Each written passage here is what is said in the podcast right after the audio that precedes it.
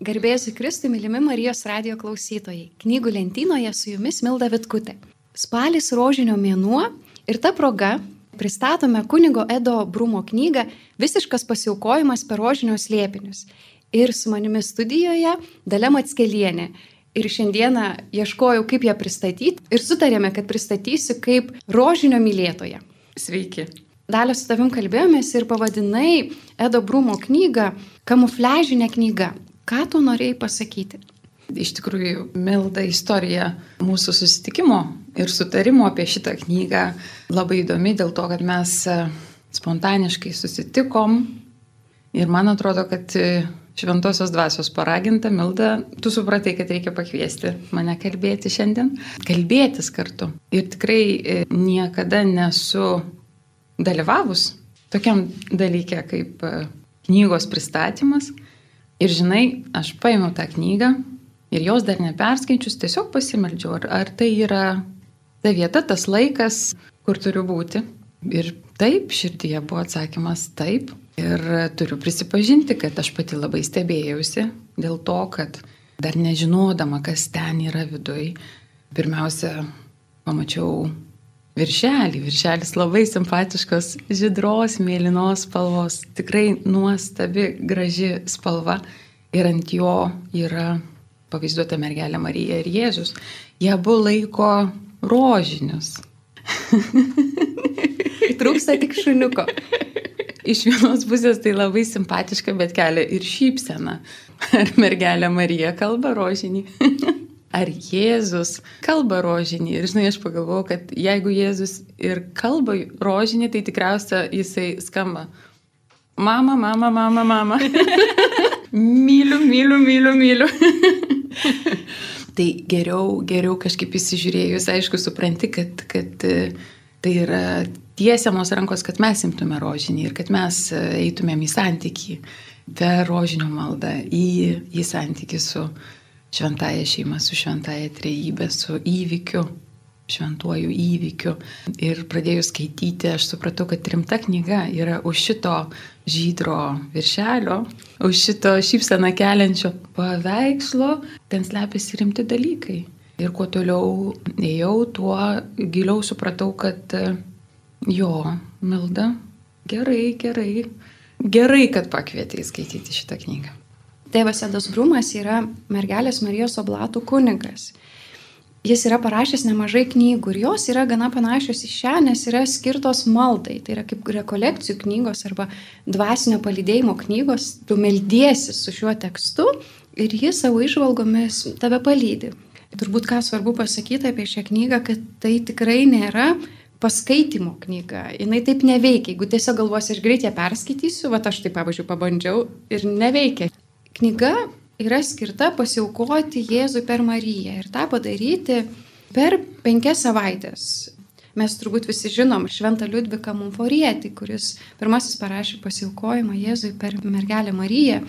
Ir jau kokią dešimt metų ant bangos yra tokio pobūdžio pasikomo knygos, tik parašytos šio laikiniam žmogui, neturinčiam laiko, nemokančiam melstis litanijų, bet kaip yra pasakęs tėvas Michaelas Geitlis, kuris ir, manau, pradėjo populiarią pasiaukojimų knygų bangą, kad mes esame kviečiami, kaip mergelė Marija, apmastyti širdyje. Ir šitos knygos, kaip sakydalė, kamufliažinė, atrodo kažkaip paprasti knygelė, mielų viršeliu, tai ji parodo apmąstymą maldos galę. Tėvas Edas Bumas tai yra kovos ginklas. Šventasis rožinis yra kovos ginklas. Dėl to norėčiau gal ir paklausti, kas tau pačiai asmeniškai įstrigo skaitant šią knygą, kas asmeniškai palėtė? Palėtė keli momentai, galbūt pats pirmiausia, beskaitant tas pasiaukojimo per mergelę Mariją Jėzui. Kas tai yra? Kodėl per mergelę Mariją? Kodėl Jėzui? Beskaitant aš kažkaip tai tikrai supratau, kokia talpi yra mūsų bažnyčia. Kad vis dėlto neįmanoma būti su tėvu jo artumoje, Dievo, Dievo artumoje, be Jėzaus Kristaus tarpininkavimo. Kad esminis santykis yra Jėzus Kristus ir pasiekti tą santykį, prieiti prie jo, mūsų talpioji bažnyčia jinai turi ir būdų. Tai jeigu galbūt man, mano širdžiai, e, artimam charizminiam atsinaujinime yra ta vieta, kur plovinimo giesmių, ta vieta, kur yra kviečiama atiduoti savo gyvenimą Jėzui. Ir tas, kas yra drasus ir iš tikrųjų išdrįsta kapituliuoti savo ir vis dėlto sakyti taip, aš atiduodu savo gyvenimą Jėzui Kristui kaip savo viešpačiui. Ir užtenka to, to vienos sekundės apsisprendimo, bet radikalaus ir visiško. Tai kad viešpats yra laiko karalius ir jis duoda ir kitus būdus. Tai pavyzdžiui, penkių savaičių pasiaukojimą. Visą kelią, visą kelią einant gilyn, visą kelią apmastant, per rožinios lėpinius, valantis, išgyvenant e, tas, tas situacijas, šventosios šeimos situacijas, Jėzaus situacijas, mokinių būsenas e, Jėzaus įvykyje. Ir vis dėlto tikslas yra tas pats - pažinti Jėzų Kristų kaip savo karalių, savo viešpatį. Išgyventi visus momentus kaip vieną momentą išgyvenant, žinai, tas ne, tik, ne tik gimimą, gal reikia sakyti ir gimimą, ir Jėzaus gyvenimą, ir tai, ką jisai sakė, ir jo kančią, ir stovėjimą po, po kryžium, ir jo prisikėlimą, ir žinai, išgyventi kaip visas tas situacijas kartu sudėjus. Tai reiškia, kur vienam žmogui nepajėgus mes esame išgyventi visų situacijų vienu metu, Bet man atrodo, mes esam kviečiami nelikti po kryžium. Arba nelikti tik tai prie gimusio Dievo. Arba nelikti tik tai pakėlus akių Jėzų iškeliaujant į dangų. Bet būti ir čia, ir čia, ir čia. Ir šitam paslaptingam šokyje, ne visų situacijų, čia ir atsiskleidžia Dievo visą galybę. Man pačiai labai patiko turbūt vedamoji knygos mintis, kurią pats autorius suformuluoja pabaigoje. Jis sako, kad mes esame pašaukti žengti į Marijos iščias, kaip Marija suformavo Jėzų, taip sako Edas Brumas, iš jūsų ji nori suformuoti kitą Jėzų mums reikia būti išnešiotiems mergelės Marijos iščiose kaip išnešiotas Jėzus ir ką tai reiškia, kad mums labai reikia būti išnešiotiems meilėje. Mums kažkaip atrodo, kad šiame savo pastangom turim labai daug ką padaryti, bet pradžia yra būti išnešiota meilėje, priimti, negali duoti kitam, ko pats neturi. Ir meilė yra toks dalykas, kur pirmą turi būti garas, turi patirti Dievo meilę, kad galėtum ją dalintis. Nes meilė yra ryšys, kuris sujungia ir santykis su Jėzum vyksta per meilės ryšį. Ir galvau, kad kai kuriem gali būti keista, kad visiškas pasiaukojimas Jėzui yra per mergelę Mariją. Ir šitas įvaizdis, kad mergelė Marija išnešioja Jėzų ir mus kviečia į savo iščias, kad būtume išnešioti ir palydėti jos, man jis padeda suprasti, kodėl mes rožiniai melžiamės mergeliai Marijai. Šioje knygoje yra labai daug kvietimų motinoms, mamoms, kaip nešioti savo vaikus. Tai yra tokios trumpos užuominos, yra kvietimas į maldą ir tada kvietimas motinom, kaip melsis su savo vaikais, kaip juos vesti. Tai man gal tai labiausiai užstrigo šitoje knygoje. Būti išnešiotam meilės iščiose. Labai gražu.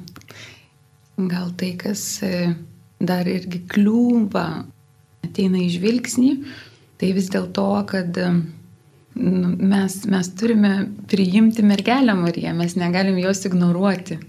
Mes e, esam kviečiami, būdami bažnyčioje, priimti e, Dievo motiną kaip esmingą e, Dievo istorijos veikėją.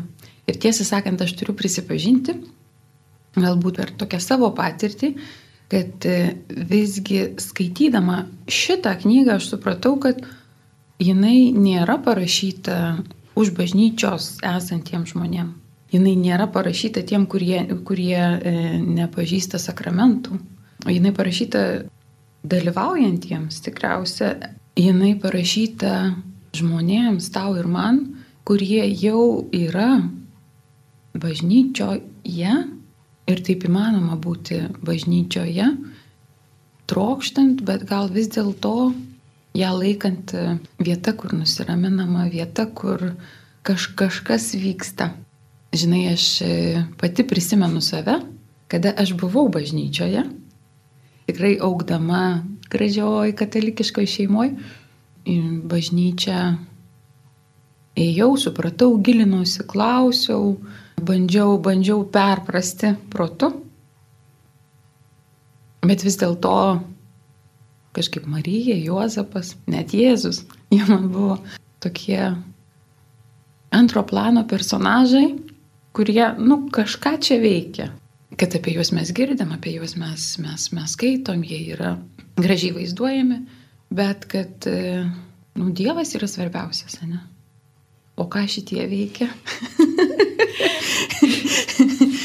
ir vis dėlto, ir vis dėlto ateina laikas, kai supranti, kad be jų niekaip tokia yra e, Dievo valia šiai žemėje, kad, kad Jėzus turėjo įsikūnyti mergelę Mariją, turėjo būti globojamas Juozapo, turėjo būti tas darinys, nuostabus šventosios šeimos darinys, kuriame jisai augo, formavosi, kad, kad jie yra labai labai svarbus tiek Juozapas, tiek Marija, tiek žemiškas Jėzus. Labai geras pastebėjimas. Kodėl mums atrodo, kad mergelė Marija, Juozapas ir Jėzus yra tokie lik antro plano aktoriai šitoje išganimo istorijai? Gal dėl to, kad mes ne iki galo suvokiam, ką reiškia įsikūnymas ir kad įsikūnymas yra į visą žmogišką gyvenimą. Ten yra ir mama, ten yra ir Juozapas tėtis, yra darbas. Kaip šioje knygoje man labai patiko apsilankimo pas Elsbietas slėpinio pristatymas, kaip palydėjimas maldoje šiame slėpinyje. Ir Edas Brumas labai daug kalba, va, mergelė Marija lankosi pas Elsbietą tris mėnesius. Elsbieta laukėsi, dabar pažiūrėkite, kaip atrodo to meto namai. Jis turbūt labai daug skalbė, labai daug gamina valgyti, kiek laiko tai užtrunka, išdžiausius skalbinius ir tiesiog mus veda štai per tokią kasdienybę. Ir gal netaip lengvai prisiemam Jėzus įsikūnymą į savo kasdienybę, kažkaip norim atstumo. Ir iš vienos pusės svarbu supratimas, kad Dievas yra kitoniškas, kitoks, begalybė, nepriepiamas. Aš negaliu jo sutalpinti, kaip Augustinas bandė šventąją trejybę ar ne į savo galvą kažkaip sutalpinti. Bet iš kitos pusės faktas toks, kad Dievas ateina labai arti į mūsų gyvenimą ir į visas, į visas jo vietas. Ir jis irgi turėjo mamą. Taip, jisai turėjo mamą, jisai mamai buvo tikrai pažintas.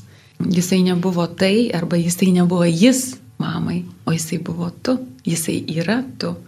Ir juk tas tikrasis santykis, labai paprastai išnekant, ne, tas tikrasis santykis tai tikrai tik, tai atsiranda tik tai tada, kada ir yra ne aš jis, ne, bet aš tu, tu ir aš, kai mes, mes esam pažįstami ir keisti dalykus, padėti, juk mes galim tik tai per tą santykį.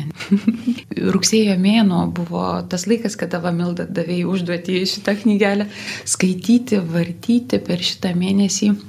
Mes šiais metais girdėjom ir matėm kažkaip labai, labai ryškiai ir kitos motinos, kurią vadina vat, karalienė motina, ne, e, mirti, gyvenimo pabaiga, Anglijos karalienės e, mirti. Ir, žinai, man labai gražu, ką jinai yra pasakiusi, tikrai kaip tikėjimo moteris.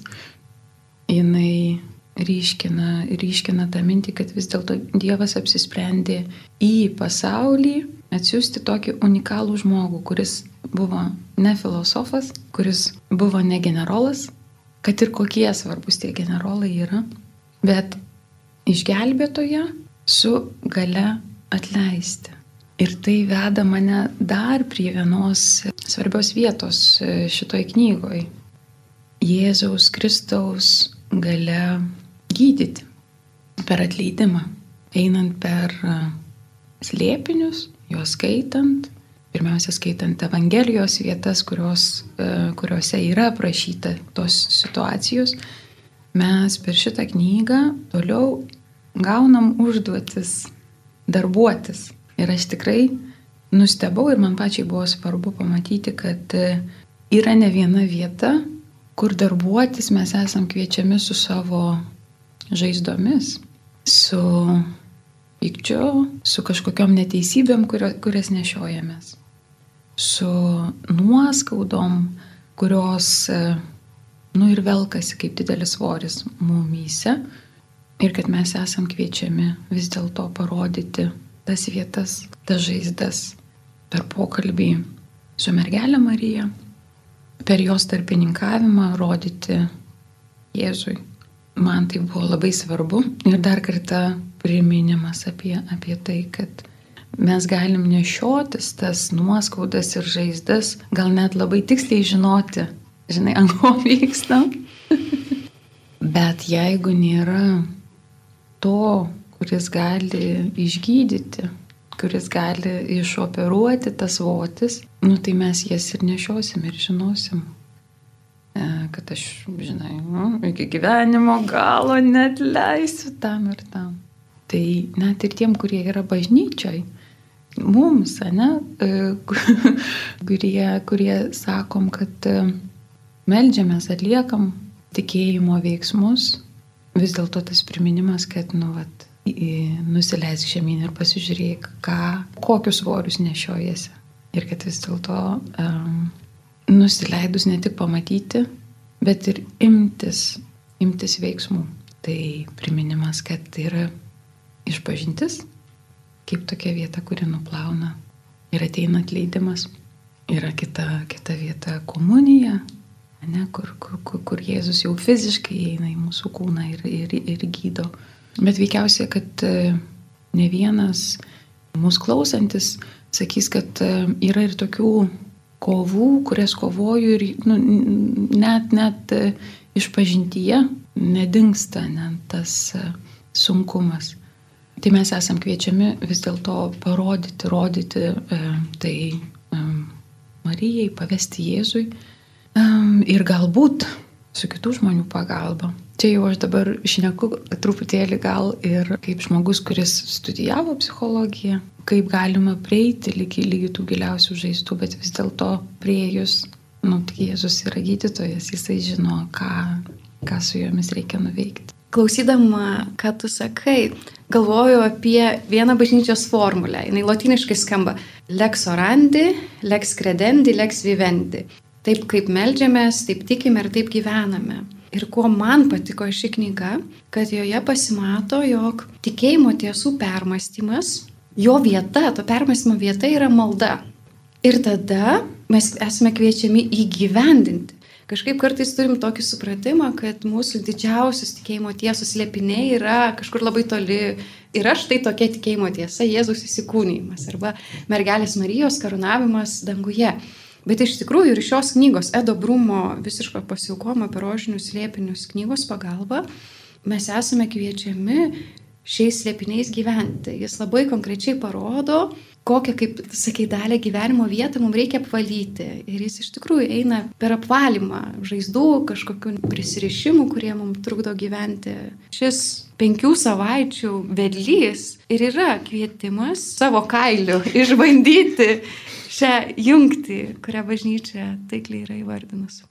Jūs klausote laidos knygų lentynoje, prie mikrofono Milda Vitkutė ir Dalė Matskelienė. Mes kalbame apie katalikų pasaulio leidinių knygą Tėvo Edo Brumo Visiškas pasiaukojimas per rožinio slėpinius. Tai apmąstymai rengiantis visiškai pasiaukoti Jėzui per Mariją. Prieš laidą su Dalė susitarėm, kad išsirinksim po vieną slėpinį, kuris mums patiko ne šiaip, kuris patinka mums melstis, meldžiantis rožinį, bet Edo Brumo knygoje, kurios slėpinio pristatymas patiko. Aš net nežinau, dalį, kokį slėpinį tu išsirinkai. Aš išsirinkau slėpinį, kuris vadinasi Žengimas į dangų. Kas iš Edo Brumo šios slėpinio apmąstymo tave labiausiai palėtė? Labiausiai palėtė Evangelija.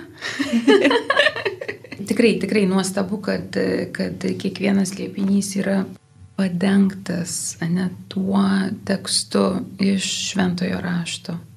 Ir dar kartą mes girdime, kad prieš žengdamas į dangų Jėzus tarė, eikite į visą pasaulį ir skelbkite Evangeliją visai kūrinyjei. Kas įtikės ir pasikrikštys bus išgelbėtas, o kas netikės bus pasmerktas. Kurie įtikės, tuos lydės ženklai. Mano vardu jie išvarinės demonus, kalbės naujomis kalbomis, ims plikomis rankomis gyvates ir jei išgertų mirštamų nuodų, jiems nepakenks. Jie dės rankas ant ligonių ir tie pasveiks. Baigęs jiems kalbėti, viešpats Jėzus buvo paimtas į dangų ir atsisėdo Dievo dešinėje. O jie iškeliavę visur skelbė žodį viešpačiui, draugė veikiant ir jų žodžius patvirtinant ženklais, kurie juos lydėjo. Ir toliau, man atrodo, kad mano širdį atrakino tas komentaras, kad prieš žengdamas į dangų Jėzus nuramino apaštalus šiais daug žadančiais žodžiais mano tėvo namuose daug buveinių. Jeigu taip nebūtų, argi būčiau pasakęs, einu jums vietos paruošti. Kai nuėjęs paruošiu, vėl sugrįšiu ir jūs pas save pasiimsiu, kad jūs būtumėte ten, kur ir aš. Tai visgi, kad e, toliau mes esam kviečiami jau matyti, regėti, jau prašyti, kad skleistųsi dangaus karalystė, ta pažadėta vieta, kurią Jėzus yra pažadėjęs. Kad pažadas galioja ir kad mes esam kviečiami stieptis į dangų. Žinai, e, kažkaip tik tai šiais metais aš supratau per šitą slėpinį, per Jėzaus e, žengimą į dangų, aš supratau, kad tai mokiniai tie, kurie taip mylėjo viešpatį ir, ir viešpaties motiną Mariją, jie du kartus jo neteko. Pirmą kartą, kada e, per kančią jis buvo nužudytas ant kryžiaus ir mirė. Ir tai buvo nu, va, didžiulė liūdėsio diena. Bet viešpats prisikėlė ir bandau įsivaizduoti, žinai, tą džiaugsmą, vaikščiojimą su juo.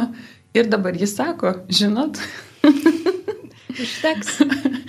tai dabar jau aš ir iškeliauju. Ir šitoj mano perskaitytoj Evangelijos vietoj nėra kažkaip tai atsigrėžiama į mokinius, ne, į tą jų būseną, kai Jėzus pasakė.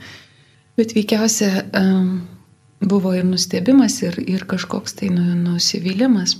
Ir kad mes kelioniai su viešpačiu esam vis panašiai nustebinami kaip ir beveik kiekvienam rožinio slėpinį, nu, va, žinai, yra kažkoks nustebinimas, kad aš jau iš kitų galvau, kad bus taip, bet dabar jis sako, žinai, bus ne taip, kaip tu galvojai, bus kitaip, bet bus daug geriau. ir čia mes suprantam, kad e, tik netekus Jėzaus, tik išgyvenant, nu, tą didžiulę tuštumą, ne, tėvas atsiunčia šventąją dvasę kuri toliau lydi, kuri toliau veda, kuri toliau e, kuria.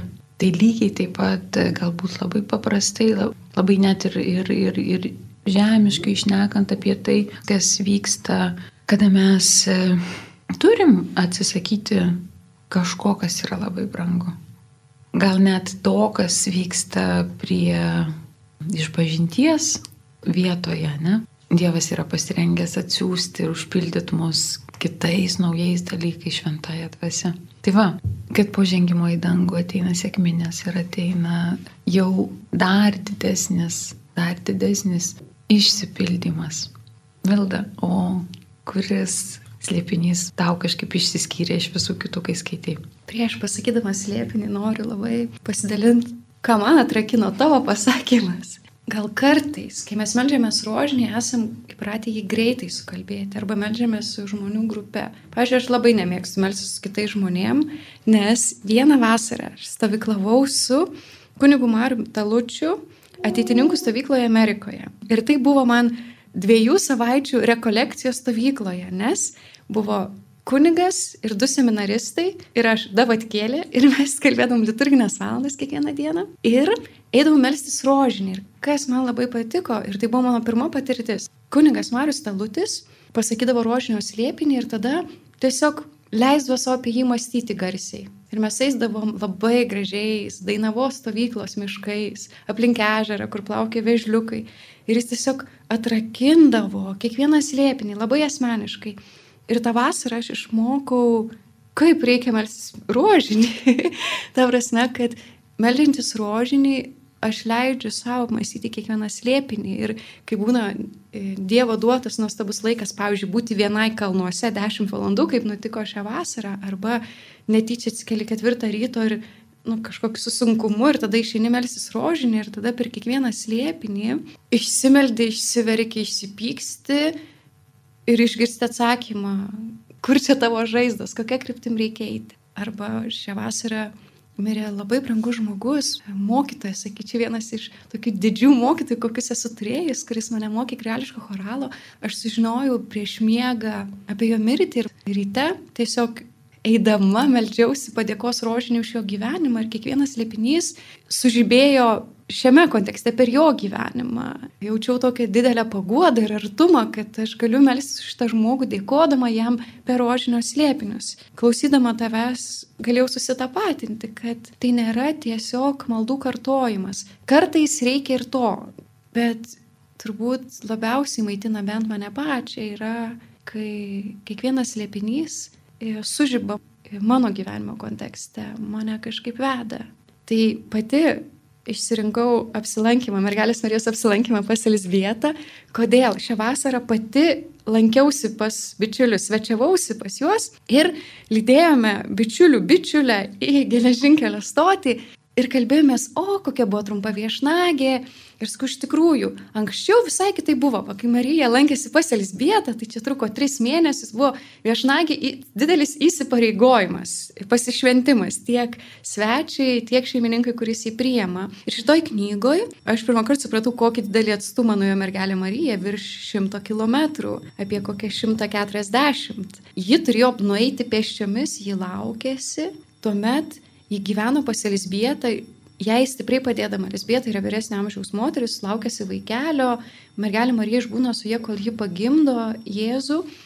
Ir šis apsilankimo aspektas tiesiog mane labai stipriai užkabino, kad čia ne šiaip atėjo Marija pas kaiminę ir pasakė labas, kaip malonu susitikti.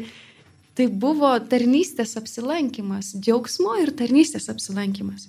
Bet vieta, kuri taip nunešė stogą, tiesiai šviesiant sakant, tai yra tėvado Brumo mintis, kad tai buvo Marijos ėjimas pas Elsbietą, pirmoji eucharistinė marijinė procesija.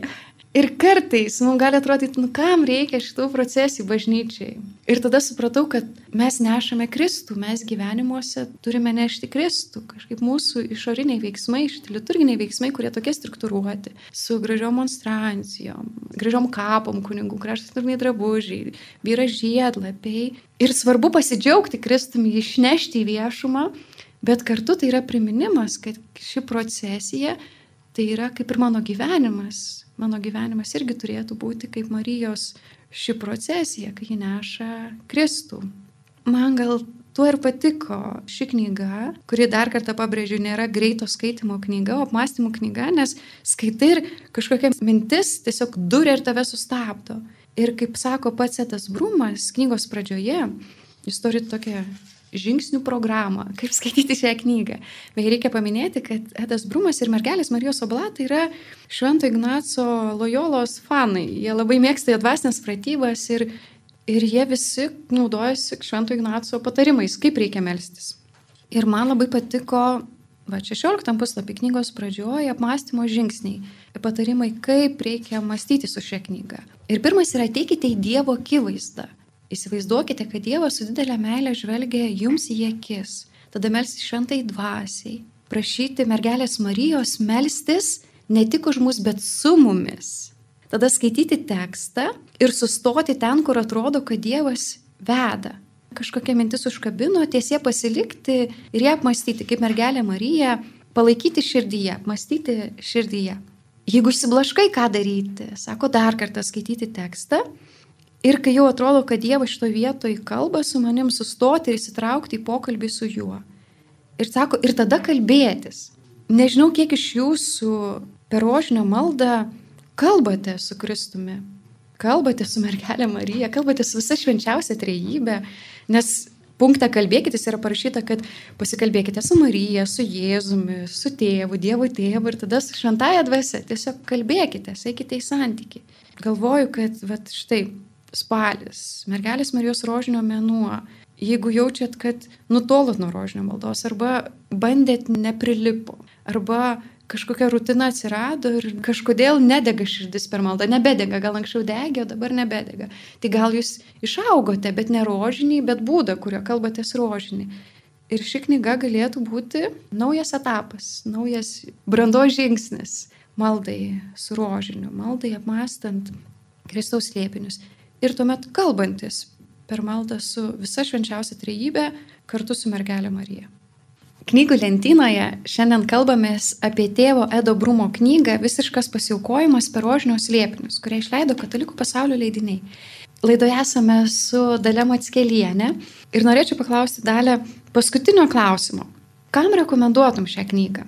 Labai geras klausimas. Žinai, man atrodo, kad labai paprastai pasakysiu, aš rekomenduočiau ją savo. Labai gerai, kad dabar aš ją, dabar, dabar ją skaitau bet veikiausiai aš jau būčiau rekomendavus ją savo nuo 17 metų, veikiausiai 20-25 metų, kada tikrai aš buvau e, ta, kuri yra bažnyčioje, bet ryškiai suprantu, kad kažko man labai, lab, labai esmingo trūksta, net ir būnant, žinant taisyklės, žinant maldas, kiekvieną sekmadienį einant e, į šventas mišes, praktikuojant sakramentus, bet kažko labai labai esmingo trūko. Aš tiksliai žinojau, ko man trūko.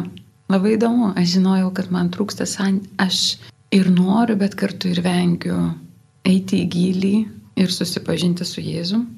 Ir e, svajonė buvo turėti tą atgaivą, turėti tą poilsį, turėti tai, kas yra pažadėta ir gal net matoma tų žmonių gyvenime, kurie jau yra ištirpę trejybei, kažkaip, nu, vat, turėti tą saldų santyki su, su Dievu. Bet mane labai gazdino ta kančios momentas. Bet noras jau buvo įvardintas.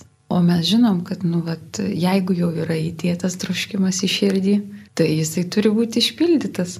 Negali kažkaip tai pasakyti, kad va, Jėzus yra viešpats, jeigu, jeigu šventoji dvasia neparagina, kad, kad, kad jinai ragino verštis. Ir kad tai yra būdas tam žmogui, kuris yra tarsi vykdo visus įsakymus, tarsi yra geras, tarsi stengiasi, bet vis tiek yra sunku, vis tiek kažko trūksta. Visiems trūksta lengvumo, patepimo, perengimo, kažkokių drabužių, kuris netrukdo ir kuris ne, nežydžia, kas įvyksta tuo metu, kai, kai, kai tikrai Jėzus ateina ir perkeičia, perkeičia su šventaja dvasia, šventosios dvasios gale. Ir jeigu mes čia sakom, kad Marija veda pas Jėzų, tai Jėzus irgi yra tarpininkas, kuris veda dar giliau, dar toliau į tą gyvenimą visoj trejybei, prieartėjimą prie tėvo kurėjo. Taip, tai ieškoti būdų, Ir mes juk nesam priekybos agentės ir, žinai, na, ir e, tikrai e, būd, būdamos sąžininkos negalim sakyti, kad šita knygelė yra vienintelis būdas arba kad rožinio malda yra vienintelis būdas, bet ieškoti tų, tų būdų, jeigu jau širdis yra patraukta ir jeigu jau aš žinau, kad man dar trūksta kažko, o jeigu tiksliau ne kažko, o santykio su gyvuoju Dievu tai verštis ir siekti ir bandyti visus būdus, kurie tik tai, tik tai yra, nu, atsiranda mano kelyje. Su tą mintim ir baigime laidą. Kai širdis patraukta, ieškoti būdų, kaip eiti ten, kur jį traukia. Ačiū Jums, mylimi Marijos radio klausytojai. Šiandien laidoje su Jumis buvo Dalė Matskelienė ir Milda Vitkutė. Iki kito susitikimo knygų lentynoje. Sudė.